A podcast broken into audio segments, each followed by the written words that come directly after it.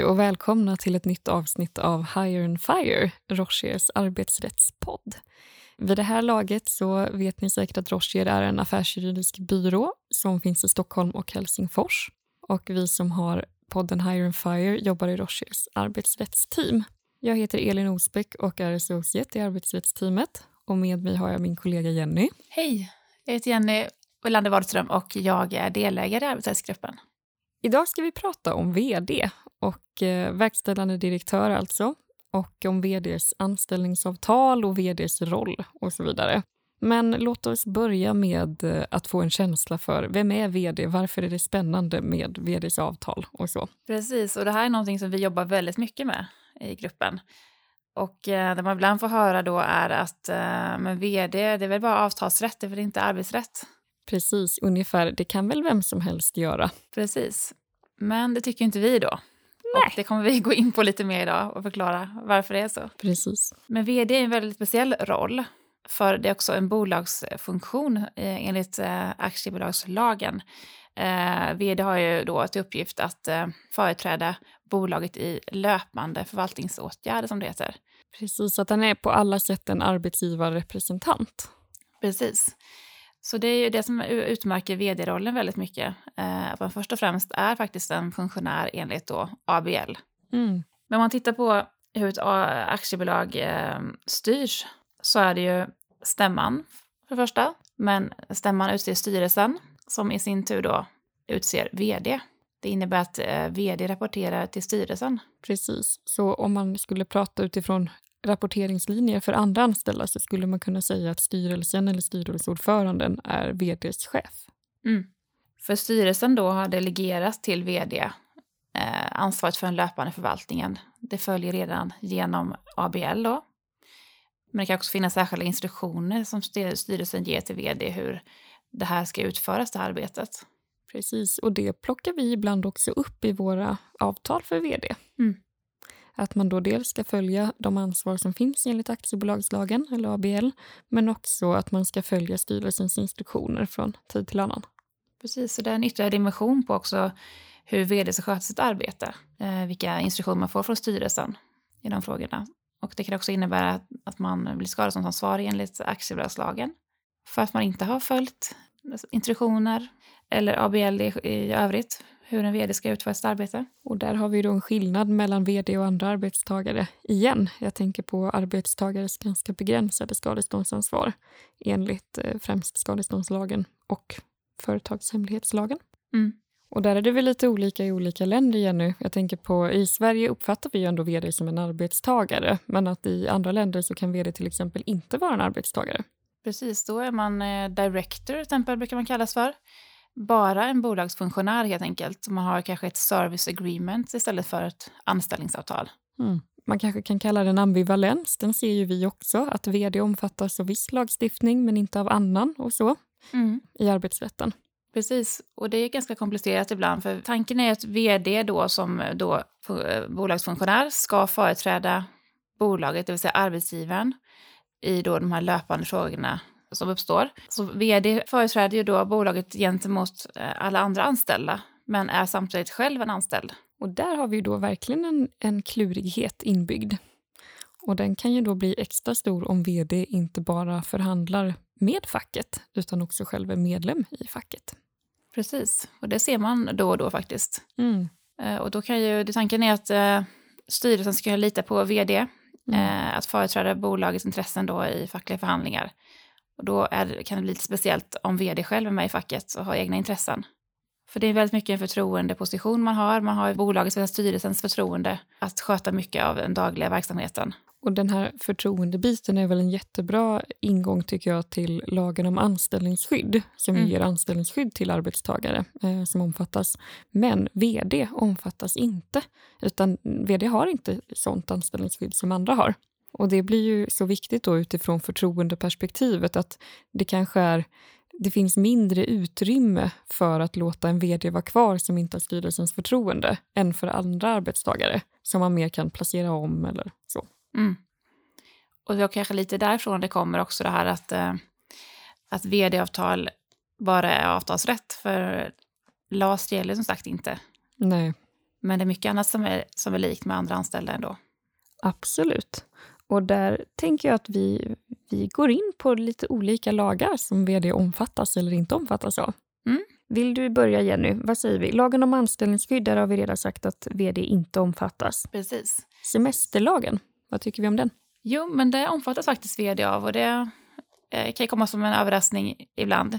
För man kanske inte har riktigt kontroll över hur vd då tar ut semester. Nej. Man har ju förtroendeuppdrag och eh, kanske i tjänst mer eller mindre hela tiden. Och eh, kanske inte tar ut så mycket semesterdagar.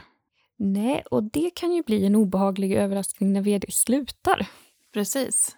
Vi har ett exempel här. Annika Falkengren slutade för, som vd för SEB. Så hade hon ju hela 150 semesterdagar sparade. Och det blev ju en, en liten nätt summa av 7,5 miljoner hon skulle få ut då i semesterersättning. I ett halvår mm. av semester. Mm. Så det där är en liten eh, bra sak att tänka på. Eh, att man eh, inte missar att också ha koll på eh, hur vd tar ut semester. Hur man nu gör det då. För att det är inte säkert att HR-avdelningen har den typen av liksom, kontakt med vd i de här frågorna som gäller det egna avtalet. Vi brukar skriva i våra vd-avtal att vd ska ha kontakt med styrelseordföranden både om förläggningen av semesterledigheten men också av information om hur många dagar man sparar till nästa år. Mm. Och Det kan ju vara en bra kontaktperson just eftersom den då ändå är chef över vd, kanske man kan säga. Precis. Ja, en till lag. Arbetstidslagen. Vad tycker vi om den? Får vd vara med? Nej, där finns faktiskt ett uttryckligt undantag, precis som det gör i, i LAS, att eh, vd omfattas inte av arbetstidslagen. Precis, och det har ju då vd faktiskt gemensamt även med andra personer som har frihet att förlägga arbetstiden själva. Så arbetstidslagen har en liten annorlunda krets av personer som omfattas än LAS. En lite mindre krets. Precis. Och eh, som en sista lag eh, där man kan fundera på om vd omfattas eller inte så kommer jag att tänka på sjuklönelagen. Och den har ju ett eh, brett eh, tillämpningsområde. Så alla anställda, även vd, omfattas av den. Det innebär att även vd har rätt då till sjuklön från sina arbetsgivare de två första veckorna av sjukperioden. Så här ser man att vd är anställd och har rätt till eh, det här grundläggande skyddet som de här lagarna ger. Precis, men då för att återknyta både till LAS och den här frågan, var det bara avtalsrätt eller inte? Mm. Man skriver ju ett ofta ganska långt vd-avtal som i någon mån ska kompensera för att man inte omfattas av LAS. Och vi kan väl börja där. Vad, vad är det man kompenserar för då? Vad tänker du på, Jenny? Är det uppsägningstid eller? Ja, men det är ju det här med anställningsskyddet som egentligen är då eh, huvudfrågan i LAS. Mm. Eh, att eh, vanliga anställda kan man inte säga upp hur som helst utan man måste ha saklig grund. Medan vd, där, på grund av att vd har den här förtroendepositionen så ska det som sagt vara lättare att eh, säga upp ett avtal med vd. Och därför har man inte anställningsskydd. Precis, utan vad man har istället som en kompensation är ju en väldigt lång uppsägningstid. Mm. Och där är det faktiskt till och med så att eh, man i princip för att vara undantagen från LAS, som ju vd ska vara som utgångspunkt, faktiskt också måste ha sådana anställningsförmåner som är motsvarande eller jämförliga för eh, personer med samma typ av ställning på arbetsmarknaden. Mm. Eh, så att man kan inte heller också bara vara vd men ha ingen uppsägningstid till exempel. För då skulle man nog omfattas av LAS. Mm. Så det är tanken att man ska kompenseras på andra sätt? genom en uppsägningstid. Och där har vi fått ett rättsfall här på vad som är en skälig uppsägningstid om man inte avtalat om det. Och det var ett jättespännande rättsfall, AD 2019, nummer 12, som handlade om vad vd själv har för uppsägningstid om man inte har avtalat om någon, men också i någon mån om vad arbetsgivaren har för uppsägningstid. Då. Och eh, då kom de fram till att en ömsesidig uppsägningstid om sex månader var skäligt i det här aktuella fallet, men det stämmer också överens om den syn som vi har, nämligen att eh, sex månaders uppsägningstid i princip är minimum för mm. verkställande direktörer. Precis. Men oftast är det också längre. Och det kan ju utländska klienter reagera på, att det känns som en otroligt lång period mm. som måste betala ut lön. Det är inte ovanligt att man har 12 månaders uppsägningstid mm. eh, eller sex månaders uppsägningstid och eh, sex månaders avgångsvederlag. Men avgångsvederlag ska vi komma ihåg, för det kan bli lite aktuellt när vi pratar om konkurrensklausuler senare. Precis. Och sen kan ju vd-avtalet eh, också till exempel innehålla regler om hur man ska säga upp avtalet. Det kan till exempel vara så att man ska göra det i skrift. Där finns det speciella regler i lagen om anställningsskydd om hur en uppsägning ska gå till, men där eh, kan då vd-avtalet bestämma hur det ska göras. Mm. Men en stor skillnad också eh, gentemot anställda som omfattas av LAS är ju också vad konsekvenserna blir när man bryter mot avtalet. Så att säga. Säger man upp en person som omfattas av LAS eh, utan att ha grund så blir det ju eh, väldigt stora ekonomiska konsekvenser. Mm. För att vi har en reglering i LAS som säger att man ska få vissa normerande skadestånd och så vidare. Precis, och under tiden som tvisten pågår kan själva anställningen bestå. Mm. Och det kan ju bli en jättestor konsekvens. Men det här det har vi inte då i vd-avtal utan det här är, får man säga att det ändå är avtalsrätt som vi har att göra med. Mm. Här är det bara den ekonomiska skadan som, som man riskerar. Men någonting som man ändå kan plocka upp där är ju diskrimineringslagen. Den mm. har vi inte pratat om ännu. Och den får vi väl säga ändå omfattar ju alla arbetstagare. Precis. Så att man får inte eh, fatta beslut avseende en vd som beror på en diskrimineringsgrund. Så här kan man väl säga ändå att eh, det finns en viss typ av anställningsskydd även för vd faktiskt. Ja. Till exempel om man då eh, tittar på diskrimineringsgrunderna om en vd blir allvarligt sjuk så att man kan säga att det blir en funktionsnedsättning och man eh, avbryter avtalet på den grunden. Då skulle det kunna vara diskriminerande. Mm. Och även om man säger upp en kvinnlig vd som är gravid så kan det absolut vara dis diskriminerande. Och likaså om man ser upp en manlig eller kvinnlig vd som ska vara föräldraledig. Så det är inte helt fritt fram när det gäller uppsägning av vd heller då. Vilket kanske är någonting man inte tänker på. Nej. Men just samband med uppsägning också kan man ju tänka på eh, att det är viktigt att reglera också vad som händer under uppsägningstiden för en vd. Absolut, och därför återknyta till lagen om anställningsskydd som ju gäller för andra arbetstagare, så är det ju så att om man blir uppsagd på grund av personliga skäl, då får man till exempel inte eh, avvisas från arbetsplatsen bara på grund av samma skäl som man blir uppsagd för, utan då har man faktiskt rätt att jobba kvar. Och om man då ändå avvisar dem från arbetsplatsen så kan det finnas risk att det uppfattas som ett avskedande istället, som ju alltså betyder att man får gå på dagen. Mm. Men hur är det där för vd? Hur tänker man där, Jenny?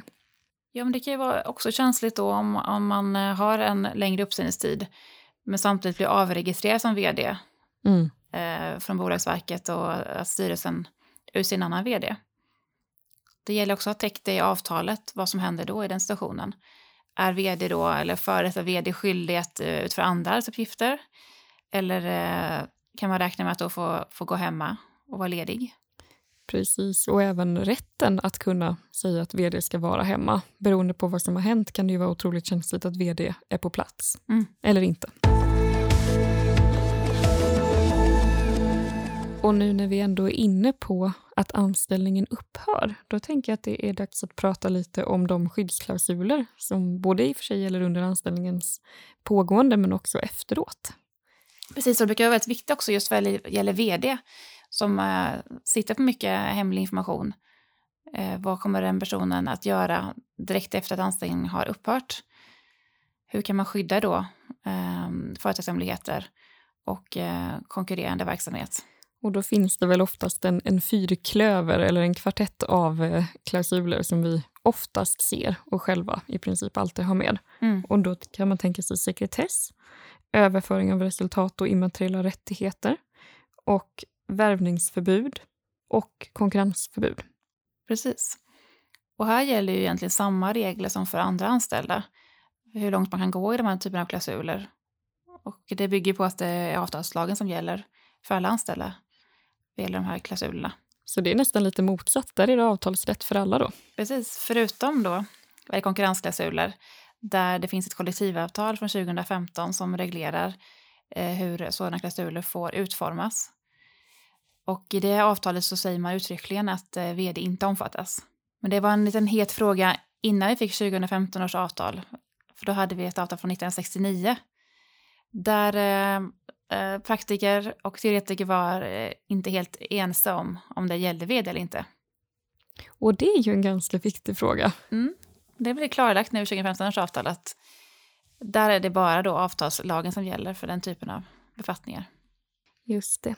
Och det får ju då betydelse för den som inte är bekant med 2015 års avtal, både för frågan om kanske eh, tidsperiodens längd, hur länge får man vara bunden av en konkurrensklausul efter att anställningen har upphört, men också vad man har rätt till för kompensation under tiden. Och där får man väl ändå säga att även vd har i princip rätt till kompensation under tiden som konkurrensklausulen gäller, eh, för att den ska vara skälig och, och eh, möjlig att genomdriva. Mm. Det är huvudregeln. Men man behöver inte följa kollektivavtalet till punkt och pricka där vad gäller ersättningsnivåer och så vidare. Utan det är en friare bedömning. Även om då 2015 års avtal är normerande på arbetsmarknaden mm. så eh, menar vi att man kan vara lite friare här. Precis, och det händer ju ofta till exempel att eh, en vd kanske är entreprenör och har satt upp ett bolag och eh, säljer det till någon mm. annan. Mm. Och då finns det rättsfall som säger att man har fått mycket kompensation genom det här eh, försäljningen. Så därför har man eh, inget behov kanske av extra ersättning sen för konkurrensklausulen. Mm. Och vad gäller sekretess, hur tänker vi där kring löptid? Hur länge brukar de gälla? Hur länge får de gälla? Ja, det där är en eh, särskild fråga som eh, jag tror att också både praktiker och teoretiker inte är helt överens om. Mm. Där ser man eh, ganska olika regleringar i olika avtal. Eh, vissa har, har begränsningar som eh, gäller för all framtid. Ja. Men då tar man risken att eh, den jämkas i domstol. Mm. Och då vet man inte riktigt heller hur länge man kan förlita sig på den. Och sen har man kanske också parallellt till det här företagshemlighetslagen som ju eh, då i princip säger att så länge någonting fortsätter vara en företagshemlighet så är det hemligt. Mm. Det har vi också ett annat mycket bra poddavsnitt om. Precis. Men vad gäller sekretessavtal i, i anställningsavtal så rekommenderar vi i alla fall att man begränsar den i tiden. Mm. Till eh, ja, tre till fem eller kanske ibland tio år. Beror på vilken typ av information man vill skydda och hur bred klausulen är. Och det är det viktigaste, att börja fundera på vad man har för information och vad man har för skyddsbehov kopplat mm. till det. Mm. Eh, och likadant vad gäller de andra, de här skyddsklausulerna som vi nu har pratat om, att utgå från behovet. Mm. Och då värvningsförbud, det kan man ju kanske undra vad det är för någonting. Och då brukar vi ofta dela upp det i två. Så att det antingen då är förbud mot värvning av bolagets egna kunder, klienter, samarbetspartners, den typen av mer eh, verksamhetsrelaterade kontakter. Och sen kan man också ha värvningsförbud avseende bolagets andra anställda. Alltså att man inte får sno med sig andra anställda. Precis, och det här kan vara väldigt viktiga klausuler för någon i, i vd-rollen, helt klart.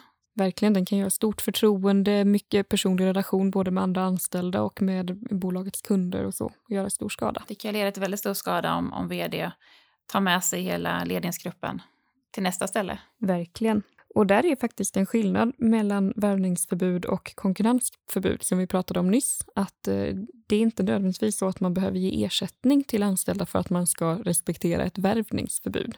Utan det kan vara skäligt ändå. Mm.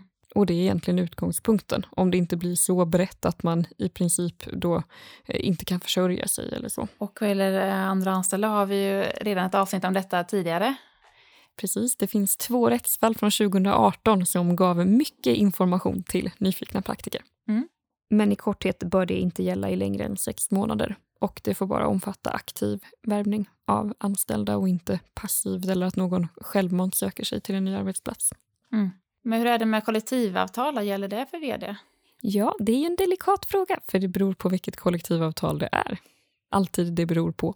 Eh, nej, och Jenny har redan nämnt att 2015 års avtal om konkurrensklausuler inte omfattar vd. Och eh, så är till exempel också fallet för eh, då, eh, de kollektivavtalade tjänstepensionsplanerna. Men där är det också viktigt att se upp för att i många kollektivavtal står det att personer i företagsledande ställning inte omfattas. Men i tjänstepensionsavtalen så tar man sikte på en väldigt, väldigt snäv krets av personer som faller utanför. Så att om man har en CFO till exempel som man tänker att den omfattas inte av LAS eller av kollektivavtal, då kan det vara så att den ändå omfattas av tjänstepensionsplanen. ITP, ja. Mm, precis. Så där får man hålla koll helt enkelt på vilken frikrets egentligen som gäller i mm. varje enskild lag eller kollektivavtal, för den är inte densamma. Nej, precis. Det gäller att titta i varje kollektivavtal. Och den pension är ju ganska spännande då. Eh, det är ganska många som också eh, gör fel där faktiskt.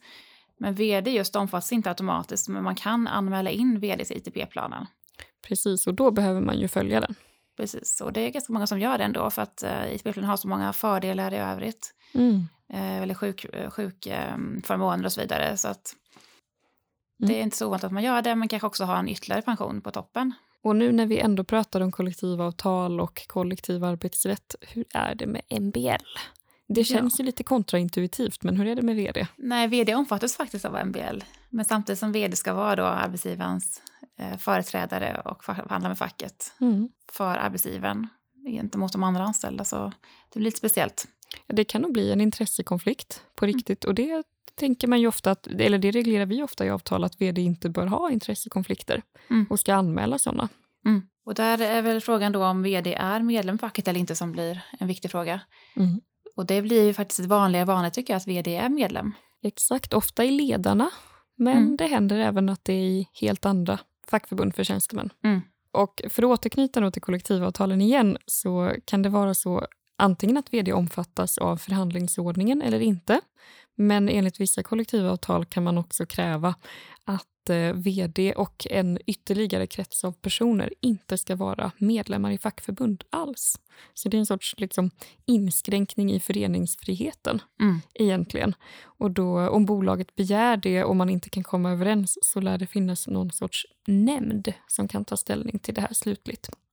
Och det är just för det här att eh, vd ska företräda bolaget gentemot facken. Och det blir väldigt konstigt då om vd själv är medlem. Men däremot, så när man ska anställa en ny vd mm. så måste det förhandlas i sig med facken. Exakt. Innan man skriver på avtal. Om man har kollektivavtal. Precis. Så det kan ju vara ganska känsliga situationer. En gammal vd ska sluta, vilket brukar vara väldigt konfidentiellt och man har eh, hittat en ny efterträdare. Och då måste man alltså, innan man skriver på avtal med den nya vdn, förhandla med facket. Vem skulle du säga brukar göra det då? Vem håller i den förhandlingen för bolaget? Det är ofta styrelseordförande som, som gör det. Ja. Och man brukar ju försöka göra det här väldigt eh, kort inpå, att man går ut med eh, att gamla vd ska sluta. Mm. För att eh, det här är otroligt känslig information, inte minst i börsbolag. Och då kan man ju faktiskt förhandla under sekretess. Eller man kan som arbetsgivare begära sekretess i alla fall. Mm. Avseende förhandlingarna enligt medbestämmandelagen. Och det kan ju faktiskt vara också att det här är insiderinformation. Så att eh, de fackliga representanterna blir insiders då, helt mm. enkelt. Men bara för att det är insiderinformation så innebär det inte att man inte behöver förhandla. Nej, och det kan ju också vara en viktig sak att ha med sig. Mm. Så det får man försöka lösa på bästa möjliga sätt då helt enkelt. Eh, till exempel genom att kalla till förhandling utan att berätta vad det handlar om, som har en tid, eh, planera med facken och sen berättar man på mötet vad det handlar om efter att de har skrivit på eh, avtal om, om eh, sekretess och insider. Men om man då tänker hela livscykeln för en vd-anställning så behöver man inte förhandla med facken om man ska säga upp vd-avtalet. Precis, utan det är ju det här att den nya vdn är så pass viktig för bolaget eh, och även för alla anställda. Så därför tycker man att det är en sån sak man ska förhandla. Men däremot när man eh, vill att den äh, gamla vill ska sluta så tycker man att det är helt upp till styrelsen att avgöra. Ja, men för att knyta ihop säcken då och vad vi har pratat om idag. Vi började ju med den eh, lite ledande frågan, är det verkligen bara avtalsrätt när man ska engagera en vd? Och det svarar vi ju nej på. Ja. Men däremot är ju avtalet väldigt viktigt. Mm. För Absolut. det är mycket av det som eh, vanligtvis gäller enligt eh, LAS exempel behöver man reglera istället i eh, avtalet med vd. Precis som man rör sig i ett väldigt komplext landskap med viss lagstiftning som är tillämplig och det behöver man hålla koll på och annan lagstiftning som inte är tillämplig och då behöver man ofta erbjuda ett alternativt skydd som just kommer från avtalet. Då. Och det här är likadant i kollektivavtalen. Där måste man också hålla koll på respektive avtal, vad som gäller för vd och inte. Mm. Och om man då vill kompensera vd på något sätt för det. Och vad gäller vd och facken så hoppas man ju att vd inte är med i facket om man är arbetsgivare. För det gör livet lite enklare, men det finns ju möjligheter att eh, kräva att vd inte ska vara medlem. Precis, enligt vissa kollektivavtal. Mm.